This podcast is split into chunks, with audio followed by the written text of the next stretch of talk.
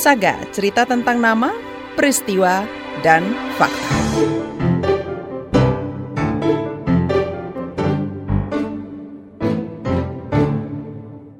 Saudara orang dengan HIV/AIDS atau ODA, perempuan menjadi kelompok minoritas yang rentan terdampak pandemi. Selain terpukul dari sisi ekonomi kesehatan, mereka pun terancam akibat kelangkaan stok obat antiretroviral. Jurnalis KBR Lea Citra berbincang dengan dua ODA perempuan tentang perjuangan mereka bertahan di tengah pandemi COVID. Berikut kisah bagian kedua. Ya sering sih saya udah patah semangat sebenarnya. ya udah kayak gini udah aku positif dititipin anak empat kerjaan diberhentikan aduh Nada putus asa terdengar dari ungkapan-ungkapan Heni. Deritanya sebagai orang dengan HIV AIDS atau ODA seakan paripurna di masa pandemi. Heni kehilangan dua sumber mata pencaharian yang selama ini menghidupi keempat anaknya. Di awal April, warga Jakarta ini diberhentikan sebagai karyawan catering karena orderan seret. Makin susah pendapatan ya, terus ya jadi akses pokok ke mana-mana juga susah. Tadinya kan saya kerja di catering, bantu ya. Tadinya per bulan satu setengah nih ya. Sebulan kemudian, Henny kembali menelan pil pahit karena tak ada lagi yang memakai jasanya sebagai pengasuh anak. Dari pekerjaan sampingannya ini, ia mendapat upah 50 ribu per hari. Hendy sempat dijanjikan bakal dipekerjakan kembali, tetapi sampai sekarang belum ada kabar baik terdengar. Perempuan 42 tahun ini terpaksa menggantungkan hidup pada ibu yang sudah rentah. Ibu saya tuh punya pensiun, ya itu aja. Ya nyukup-cukupin aja sih. Anak empat, ibu saya pensiun satu juta dua ratus lah ya, ya dicukup-cukupin lah. Sebenarnya sih kalau di ini nggak cukup. Henny menjadi ya. orang tua tunggal sejak suaminya menelantarkan mereka lima tahun lalu. Padahal ia tertular HIV AIDS dari suaminya yang kerap memakai narkoba dan melakukan hubungan seks yang tidak aman. Henny sudah menjadi Oda sejak 2017.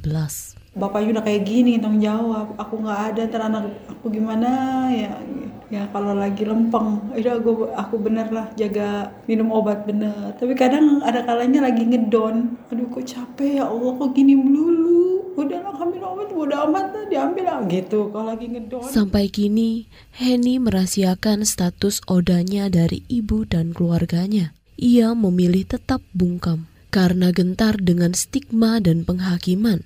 Botol-botol bekas obat anti retroviral atau ARV disimpannya rapat di kamar agar jangan sampai ketahuan. Emang aku sengaja nutupin, takutnya curiga gitu aja. Berbotol-botol bekasnya aku mau kumpulin di, di dalam satu plastik. Bingung mau buangnya, mau bawa tempat sampah takut tadi yang ngelihat orang. Di tas, tas Himpitan ekonomi di situasi pandemi juga dialami Oda lain di banyak daerah. Kondisi miris ini mendorong komunitas Oda untuk menggalang bantuan saat pemerintah Lamban bergerak. Koordinator Ikatan Perempuan Positif Indonesia Nining Ivana. Orang dengan HIV di Indonesia itu banyak sekali dari kalangan menengah ke bawah. Kami yang bergerak dulu untuk teman-teman kami gitu. Kami yang mencari dana untuk gimana caranya teman-teman ini bisa minimal bertahan, tidak kelaparan lah saat di pandemi ini. Selain ekonomi, ancaman kelangkaan stok ARV turut membayangi hidup para Oda di masa pagebluk. Nining mengatakan banyak Oda kesulitan mendapatkan ARV karena pemerintah mengabaikan nasib mereka dengan dalih tengah sibuk menangani COVID-19. Komunitas seperti IPI berinisiatif mengumpulkan sisa ARV milik Oda yang sudah meninggal untuk dibagikan kepada mereka yang kehabisan stok. Selain itu, praktik meminjamkan obat antar Oda juga masih menjadi cara untuk saling menopang. Kan ini kan negara kewajiban untuk menyediakan kesehatan untuk setiap rakyatnya dan itu harusnya menjadi landasan utama supaya teman-teman tetap tersedia ARV-nya. Tapi saya nggak ngerti, ada saja permasalahannya. Protes ini ditanggapi Direktur Pencegahan Pengendalian Penyakit Menular Langsung Kementerian Kesehatan Windra Wawuruntu. Ia mengklaim suplai ARV aman selama pandemi. Demikian halnya dengan pelayanan kesehatan bagi Oda yang disebutnya tetap berjalan lancar. Mungkin cuma terganggunya sekitar satu minggu, kemudian ya setelah itu obat sudah dipenuhi dan kalau sampai hari ini obat sudah tersedia di semua layanan. Udah bersyukur ya cuma tinggal ya, aku bener minum obat aja. Ya kan kuncinya itu aja sih. Bagi Oda seperti Heni, ketersediaan ARV tanpa jeda merupakan keharusan untuk menyambung nyawa. Itu sebab ia menagih komitmen kepedulian pemerintah terhadap Oda. Kalau misalnya kita kehabisan stok ya kita otomatis berhenti terus gimana Oda Oda kita kan. Tolong diperhatikan aja pemerintah gitu. Itu kan untuk kelangsungan hidup kami. Demikian Saga KBR, saya Lea Citra.